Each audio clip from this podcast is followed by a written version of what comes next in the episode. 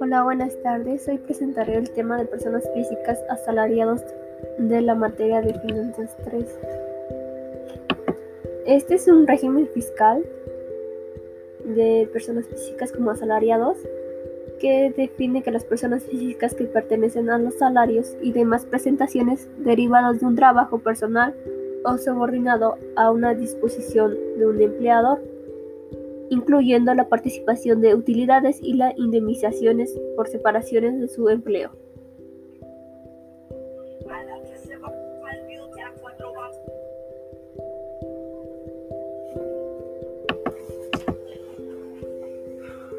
El objetivo de este régimen es principal es ofrecer una remuneración equilibrada de acuerdo al, puesto, responsabilidad, experiencia, conocimiento, especialización para estimular a los empleados que realicen mucho mejor su trabajo. Los asalariados son personas contratadas por uno o varios empleadores, también conocido como patrón, que les asigna una serie de actividades durante su jornada laboral. Les pagan una cantidad de dinero periódicamente y les otorgan ciertos beneficios a esta paga. Se le conoce también como sueldo o salario. Algunos ejemplos son los obreros, secretarias, empleados, empleados demostradores, asistentes, cajeros y entre otros trabajos. Las, erogaciones de superiores a los ingresos de las personas físicas podrán ser el objeto de la discrepancia fiscal cuando comprueban que el monto de la erogación es un año sea superior a los ingresos declarados por el contribuyente.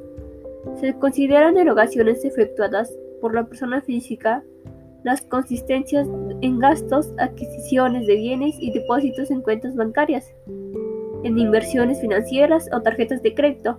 Esto lo marca en el artículo 91 de la ley de ISR.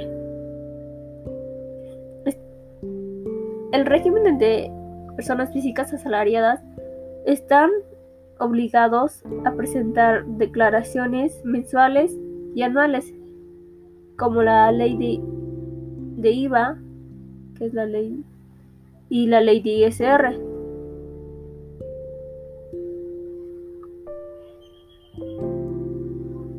Tienen ingresos exentos como el aguinaldo, horas extras, primas vacacionales, también como las primas dominicales, PTU y viáticos y entre otros fondos de ahorro.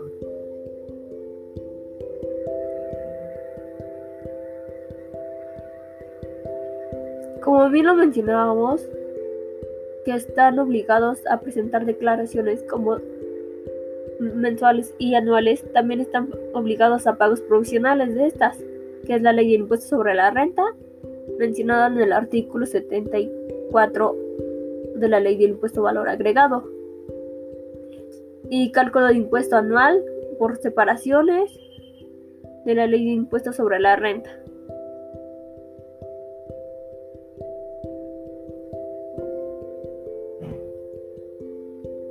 Como una obligación, diversas de los trabajadores cumplir con las disposiciones de las normas del trabajo que se les sean aplicables ejecutar al trabajo de la intensidad, cuidando esmero apropiados en la forma de tiempo y lugar convenidos, observando buenas costumbres durante el servicio integral de los organismos que establezcan esta ley federal de trabajo, obligaciones diversas a, a las retenciones de las personas físicas como patrón tendrás la obligación de retener, enterar mensualmente ISR, pero además deberán calcular el impuesto anual para cada uno de sus trabajadores.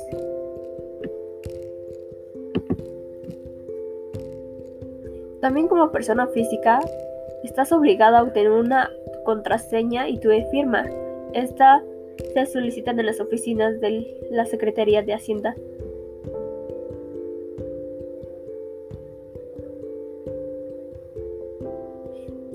Para poder determinar tus, tu contabilidad, se solicita que facturen las compras que realices para que puedas incluirlas en tus gastos de declaraciones como anuales y las mensuales.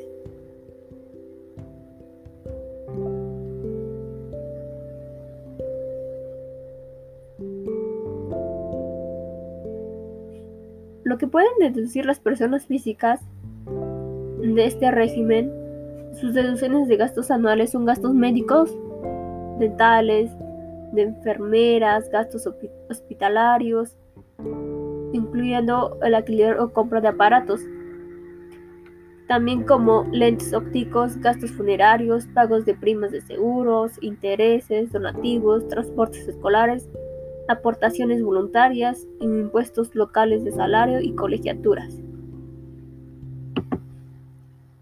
Eh, por el momento sería todo de régimen de, régimen de personas físicas asalariadas.